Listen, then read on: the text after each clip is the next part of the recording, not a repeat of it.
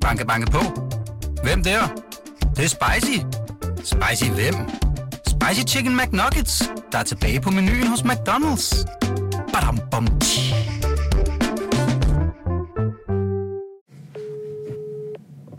Hallo? Ja, hej Bernd. Det er Nikolaj fra Berlingske. Goddag, Nikolaj. Nu er du der igen. Ja, der igen. Jeg havde bare lige et par opfølgende spørgsmål, jeg vil høre, om jeg må stille dig. Hvad har du nu på hjertet? I de mere end tre årtier, Bernd har siddet på magten i Harbos Bryggeri, der har han altså sørget for at blande sin private økonomi godt og grundigt sammen med virksomhedens. Det er jo også fuldstændig utilstedeligt.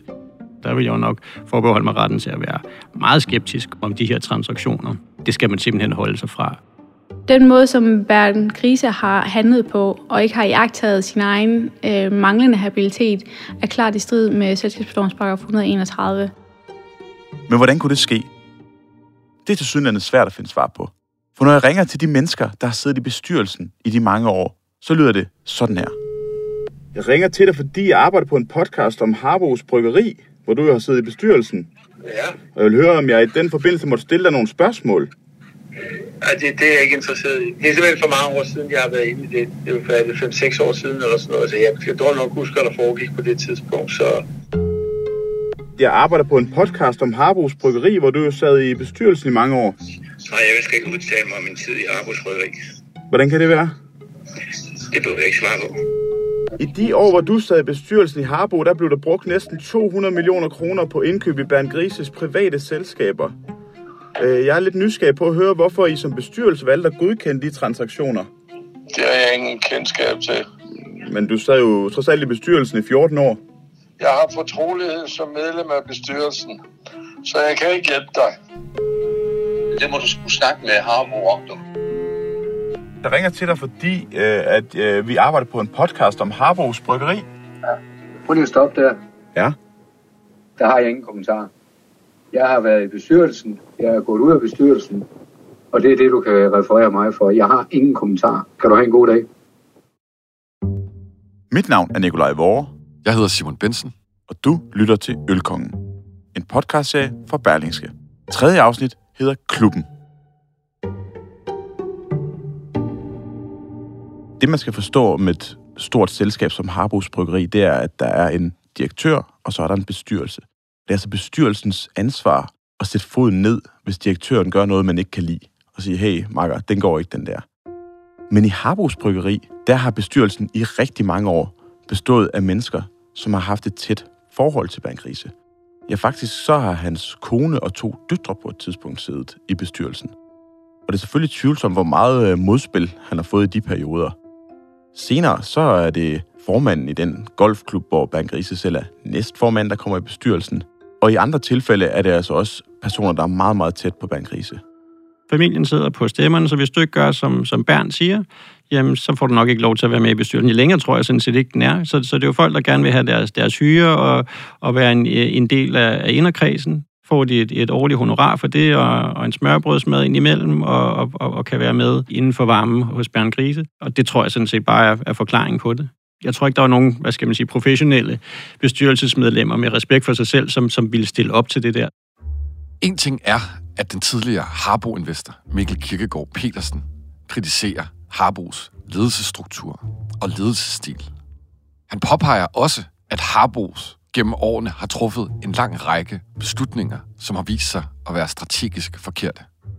Altså strategien om at satse på discount-drikkevarer, det har jo været en, en, en kæmpe fejl. Der har Harbo jo bare kørt sig selv op i en krog, hvor at de øh, skal sælge til kunder, som kun fokuserer på én ting, og det er prisen. Og det går altså bare ud over forretningen. Så de har gjort det rigtig svært for sig selv ved at træffe en, en dårlig strategisk beslutning. Hvis man ser på Harbos regnskaber, så gik det faktisk ret godt i mange år. Særligt i 90'erne og starten af nullerne. Men omkring 2005, der gik maskinen altså i stå.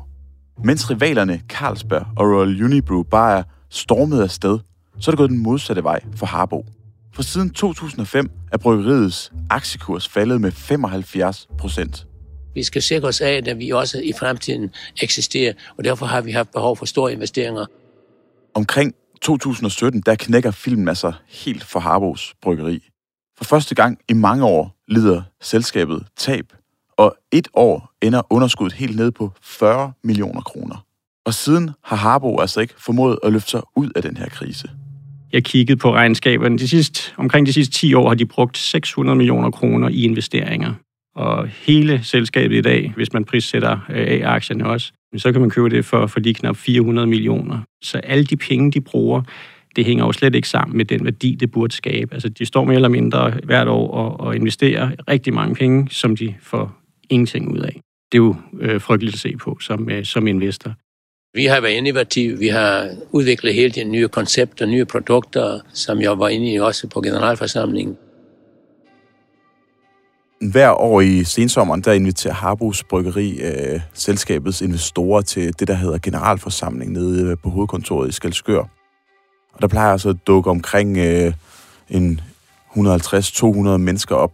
Og det er øh, herre fra Danmark, der har investeret øh, nogle af deres øh, pensionspenge i Harbo, men det er også større investorer, øh, som blandt andet øh, Fundamental Investor, Nordea, Danske Bank, der har mulighed for at komme og fortælle, hvis der er noget i bryggeriet, de ikke synes foregår, øh, som det skal. Det er også her, man øh, vælger, hvem der skal sidde i bestyrelsen øh, det kommende år, og om regnskabet øh, skal godkendes. Og det er lidt af et tilløbsstykke, øh, faktisk, og det er det særligt, fordi at øh, der bliver stillet gratis drikkevarer frem. Men det er også et tilløbsstykke, fordi at der igennem årene har været mange af de mere professionelle investorer, som har haft behov for at se Bernd og den resterende ledelse i øjnene og fortælle om, hvordan de ikke synes, at alt i Harbo er foregået efter bogen. Og Mikkel Kirkegaard Petersen er en af dem, der har stået på den her talerstol. Vi prøvede at, øh, at tale med selskabet om af, af flere gange. Jeg var nede på generalforsamling i, i 2018 og adresserede nogle af de ting her, vi synes det var utilstedeligt. Øh, og, og det var jo lidt som at slå i, i en dyne. Helt mangel på, på, på lydhør over for, hvad der bliver øh, krævet af almindelige øh, aktionærer. Det, man skal huske på, det er, at de andre aktionærer i Harbos kan brokke sig lige så meget, de vil. Det nytter ikke noget. For Bernd Grise og familien sidder, som bekendt, på de 10% af aktierne, der bestemmer over alle de andre. Det betyder, at Bernd Grise og familien har sidste ord i alle beslutninger og fordi at, at de har den her struktur, hvor at der er en mand, der er, er så magtfuld, og hele familiedynastiet ligesom er, er syltet ind i, i koncernen, jamen så bliver det jo bare sådan opskriften på en, en, en ulykke simpelthen, ikke? Når man kommer her på Harbos Bryggeri, kommer man smilende, fordi man forventer en god oplevelse. Og det får man. Vi behandler hinanden ordentligt, øh, med respekt, og øh, når vi så forlader virksomheden og har arbejdet hele dagen, øh, så går man hjem og har haft en god oplevelse. Så går man smilende hjem. I august sidste år bød Harbos Bryggeri igen aktionærerne indenfor til generalforsamlingen. Og jeg var faktisk også taget til Skelskør, for nu var der en anledning til at stille Bernd Grise nogle spørgsmål. Skalskør bliver kaldt solskinsbyen, fordi det efter sine er den by, der har flest solskinstimer i løbet af året. Og den her dag skinner solen også. Da jeg kommer ind for døren hos øh, Harbos Bryggeri, får jeg straks øje på Bernd Grise. Den her lille mand, der går rundt blandt de mange gæster og tydeligvis er på hjemmebane. Han smiler og griner og dunker folk lidt i ryggen. Han er tydeligvis på fornavn, også med mange af aktionærerne, der kommer. Og man glemmer faktisk helt, at det har været endnu et dårligt år for Harbos Bryggeri, og han lige om lidt formentlig skal stå og forsvare sig mod kritiske spørgsmål. Stort set hele Harbo-dynastiet er mødt op. Med sig har Bankrise sin hustru, Kirsten, datter af den for længst afdøde brygmester Gunnar Harbo. Deres to døtre, Vibeke og Pernille, er her. Og det samme er selvfølgelig Bankrises svigersøn, Søren Malling, som er øverste direktør på bryggeriet. Men Bernd Grises mellemste datter, Karina Harbo Laversen, som altså stadigvæk ejer en del af aktierne i bryggeriet, hendes stol står tom. Generalforsamlingen foregår på den måde, at ledelsen i Harbo, det vil sige Bernd Grise, Søren Malling og en af de øvrige direktører sidder ved et lille bord til venstre i lokalet. Midt i lokalet står så den her talerstol, hvor man kan stille sig op, hvis man har nogle spørgsmål til ledelsen. Og dem er der mange af. Både øh, seriøse og mindre seriøse spørgsmål. En aktionær spørger, om Harbo ikke kan arrangere en bustur til deres bryggeri i Tyskland, så man kan få lov at se bryggeriet og smage på varerne dernede. Men der bliver altså også stillet nogle kritiske spørgsmål særligt fra Dansk Aktionærforening. Vi er jo en af de få aktionærer, som stiller op år efter år på generalforsamling og stiller de, øh, de samme, om man så må sige, spørgsmål hos os plejer vi at arbejde med, med det, vi kalder en god investering. Altså, der skal være gennemsigtighed, og der skal være ordentlighed, og der skal være dygtighed. Det er til sammen god for os. Øh, og opfylder man det, så kan man i princippet sige, så, så gør man, hvad man kan som et selskab. Men i det her tilfælde, så, så har vi jo hverken gennemsigtighed, vi, vi ved jo ikke, hvilken, øh, hvilke vilkår, der er handlet på. Ordentlighed, det synes vi heller ikke at, øh, er opfyldt, fordi vi i virkeligheden jo kan se, at det er, at det er han har sagt, nepotisme, eller i hvert fald, man vælger kun sin nærmeste. Øh, så, så vi står jo bare udefra, og så kigger vi ind og tænker, hvad, hvad sker der? Og så kan vi jo se en virksomhed, som ikke rigtig udvikler sig forretningsmæssigt, som vi gerne vil have. På generalforsamlingen i Skelskør spørger Dansk Aktionærforenings repræsentant faktisk ind til de her handler, der er foregået mellem Bankrises private selskaber og Harbos Bryggeri. Men Bankrise glider ligesom af på de her spørgsmål. Og da der er gået omkring halvanden time, så er generalforsamlingen bare slut. Regnskabet er blevet godkendt, og der har ikke været det store drama. Folk de begynder stille og roligt at se ud af bygningen, men Grise han står stadigvæk over ved sit bord. Så jeg ser mit snit til at gå over til ham, for jeg vil jo gerne spørge ham om alle de her handler og kritikken fra aktionærerne, som han bare var glædet af på. Men da Grise han får øje på mig, så vender han om og går væk. Men så er det som om, at der far en djævel i ham. Han vender om og går direkte hen mod mig. Og da han står der, helt op i hovedet på mig, der er det som om, der bliver helt stille i lokalet. Og så siger han noget i stil med, at det må være hårdt for mig at være i krig med så mange mennesker. Jeg svarer ham, at jeg anser ikke mig selv som en, der er i krig med andre. Jeg prøver sådan set bare at passe mit arbejde som journalist. Men Bernd Grise, han kigger mig lige ind i øjnene og råber, du er i krig med mig. Jeg har en følelse af, at alle kigger på mig og Bernd. Men ligesom jeg er ved at få en smagsprøve på Bernd Grises legendariske temperament, så hører jeg to kvindestemmer bag mig. Stop, Bernd, råber de. Jeg kigger tilbage og ser Bernd Grises hustru, Kirsten, og hans mangeårige højre hånd, Rochade, på den anden side. Det er som om de her to kvinder har set det her udspille sig før. Det er den følelse, jeg får. Og nu forsøger de at stoppe et raserianfald. I et øjeblik står vi bare der, Grise og jeg, og kigger på hinanden. Men så forsvinder han ud af lokalet sammen med resten af bestyrelsen. Og jeg står bare tilbage og tænker, hvad i al verden var det, der skete der? Bernd Grise ville altså ikke tale med mig på generalforsamlingen, men nu har jeg fået fat i ham. Jeg er stolt af det, hvad jeg har gjort, ikke også? Og det kan du ikke ødelægge, Nicolai. Det kan jeg godt sige dig. Jeg, jeg vil heller ikke ødelægge det. Jeg kunne egentlig godt jo, tænke... det er det, du får i gang med. Det, du får, det, det, det er personlig hats, du er i gang i. Ikke, ikke en skid anden, mand. Og alle de der, de der mennesker, mine rådgiver, de siger, men du har ikke gjort noget forkert. Du skal bare være, være, være, være rolig. Ikke? Altså, der er ikke noget at komme efter. Og du, du, du laver den ene øh, uh, historie efter den anden. Hvis du har en moral, ikke? og så vil du ikke skrive sådan noget lort. Men, altså, helt ærligt. Altså, så vil du skrive nogle, nogle facts og så videre, så videre. Men du, du laver historier, som, som bagefter siger, at det er ikke sandt. Jeg har ikke gjort nogle ting, som ikke, øh, ikke er overensstemmelse med lovgivning.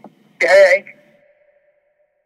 Når vi gennemgår de her mange handler, der er foregået mellem Bernd Grises private selskaber og Harbos, så er det ikke kun Bernd Grises navn, der går igen og igen.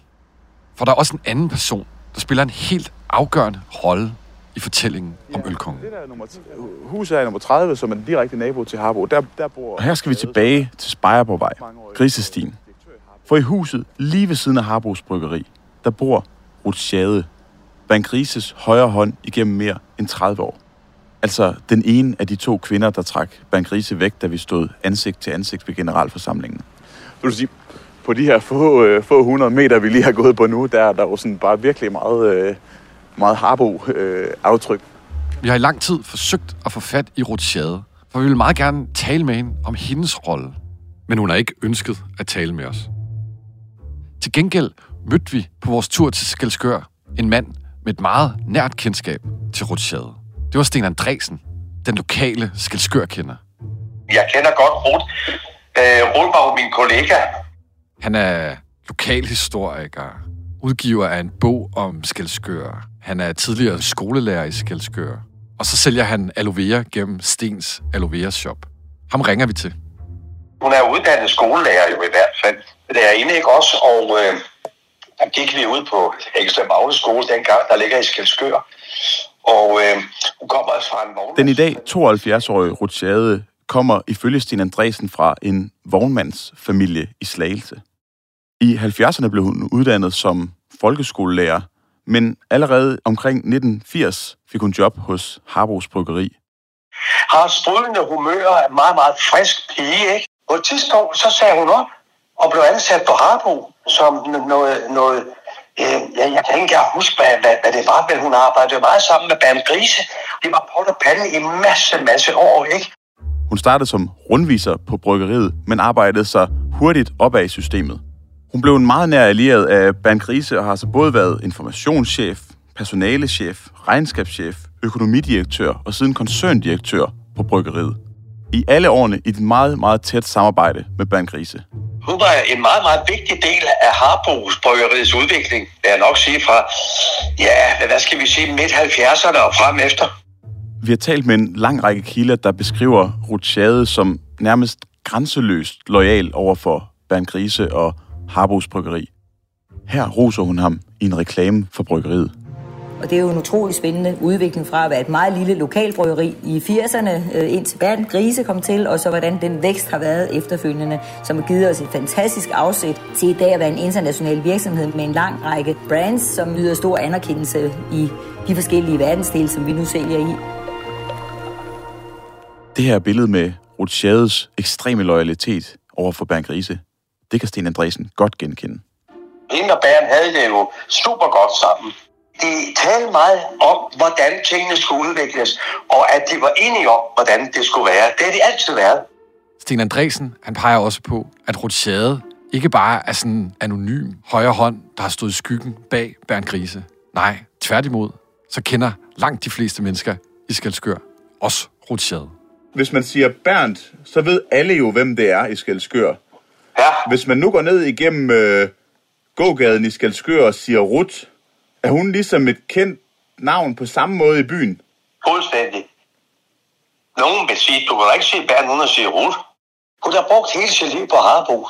Ganske enkelt. Hun har aldrig været gift, hun har aldrig fået børn, men hun har været øh, Bernds, om jeg så må sige, højre hånd øh, og arbejdet 24 timer med Harbo og udviklingen af, af bryggeriet. Rutschade har altså siddet lige ved siden af Bernd Grise. Både da det gik godt, men også i den efterhånden årlange nedtur, som bryggeriet har været på. Hun har i en årrække siddet med i stribevis af Bernd Grises private selskaber. Samtidig med, at hun altså har haft en ledende rolle på Harbos Bryggeri. Og Bernd har været utrolig glad for hende i hele det forløb, der, der har været. Ikke? Også, øh, så det, det var et rigtig godt makkerpar, de to der. Det er helt, helt sikkert. Rutschade har også efterladt sit aftryk på de her handler mellem Harbo og Bankrises private selskaber. For på en lang række af dem har hun skrevet under på begge sider. Og på den måde har Rothschild altså bidraget direkte til den årlange praksis, som har fået en lang række aktionærer i Harbos Bryggeri op i det røde felt, og som STU-forskeren Louise Damkær Christensen kalder ulovlig. Jeg tror ikke, jeg har set noget, der er så omfattende før. Det er jo skræmmende. Det, ja, jeg tror ikke, man kan sige andet, at det er skræmmende, det bliver ved med at ske i så lang tid. Når man går ned på Spejerborgvej i Skalskør, så får man hurtigt et klart billede af, hvad der kan have været med til at drive Bernd i alle disse år. Det er helt tydeligt, at Harbos bryggeri har fyldt enormt meget for ham. Men han har også brugt sin position til at tilgodese sin familie og sine allernærmeste. Præcis hvad der gør sig gældende og har drevet Rutschade, er måske lidt mere uklart. Når man ser på det udefra, så er der jo ingen tvivl om, at Rochade har haft en imponerende karriere, hvor hun er gået fra at være rundviser til at ende som direktør for bryggeriet. Men ligesom Bernd Grise har hun også blandet sine private interesser sammen med bryggeriets.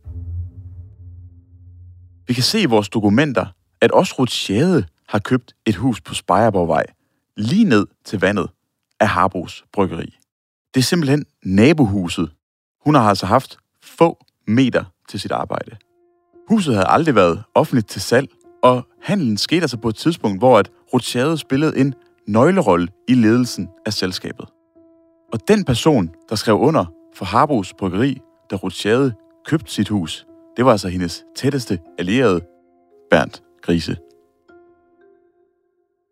Og ligesom i tilfældet med Bernd Grise, er der også andre i Rothschilds familie, der har handlet ejendom med Harbos Bryggeri.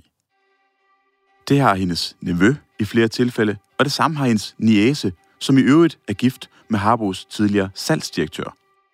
Og i alt har vi fundet frem til 12 tilfælde, hvor Harbo har handlet ejendommen med medlemmer af enten Bernd Grises familie eller Rothschilds familie.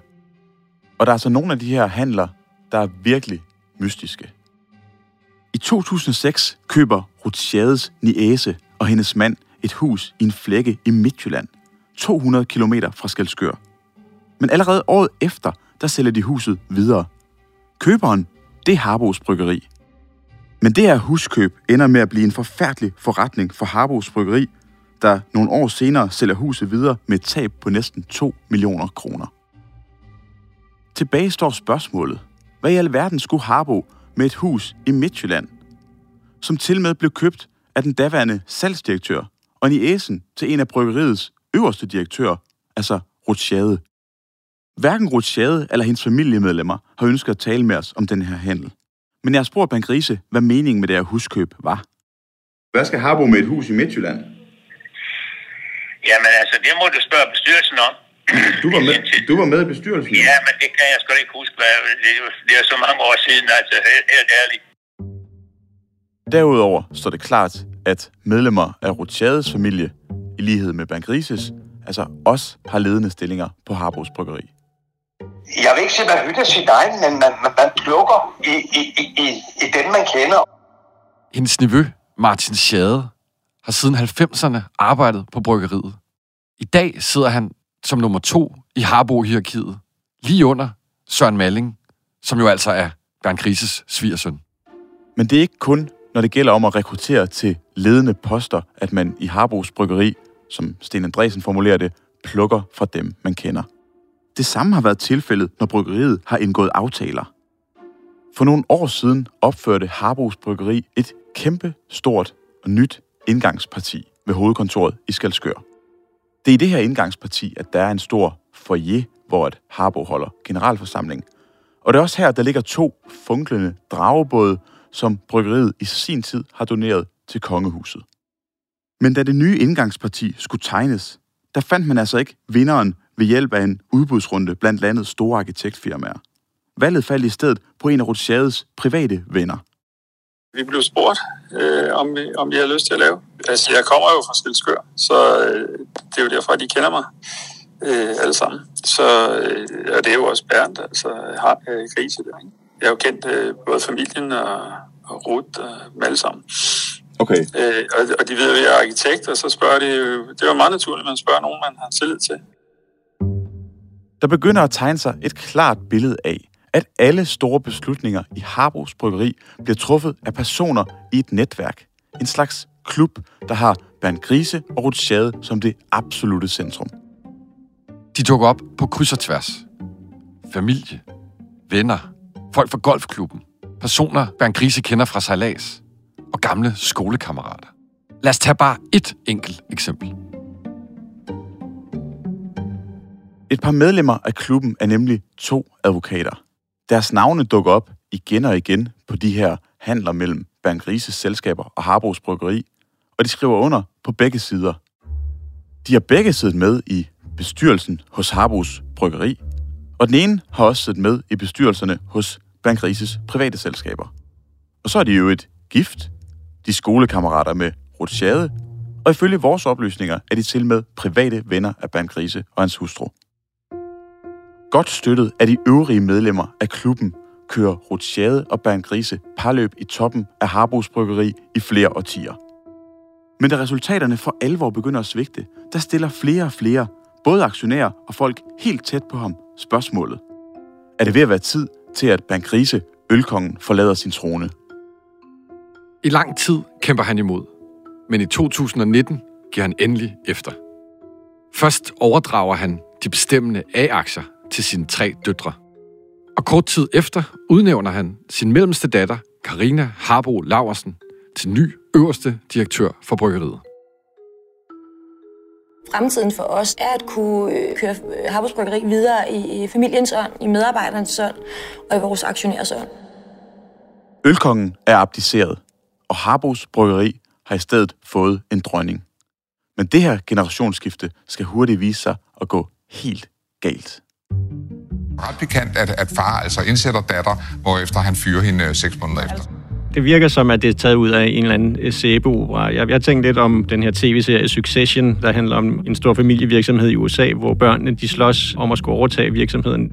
Jeg ved ikke, om manuskriptforfatterne de har været en tur i, i Skelskør for at få lidt inspiration til manuskriptet, fordi det virker altså som noget, man ikke oplever i virkeligheden, men som noget, man ser på tv. Det er lidt af en komedie, synes jeg.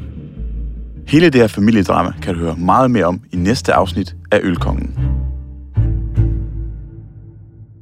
Vi har forelagt den kritik og de anklager, der bliver fremført i den her podcast for Harbos Bryggeri og Bandkrise. I en mail skriver bryggeriet, Harbos Bryggeri har naturligvis et stort fokus på at overholde dansk lovgivning. Selskabet er børsnoteret, har en professionel bestyrelse og ledelse, er revideret i dybden af et eksternt revisionsselskab og har som andre selskaber af vores størrelse et godt samarbejde med de danske myndigheder, herunder både Finanstilsynet og Erhvervsstyrelsen. Vi byder altid myndighederne velkommen til endnu mere dialog og samarbejde. Ølkongen er tilrettelagt af Simon Bensen, Thomas Arndt og mig, Nikolaj Vore.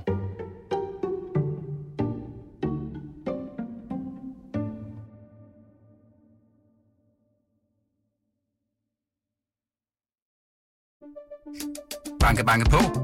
Hvem der? Det, det er spicy. Spicy hvem? Spicy Chicken McNuggets, der er tilbage på menuen hos McDonald's. Badum, bom, tji.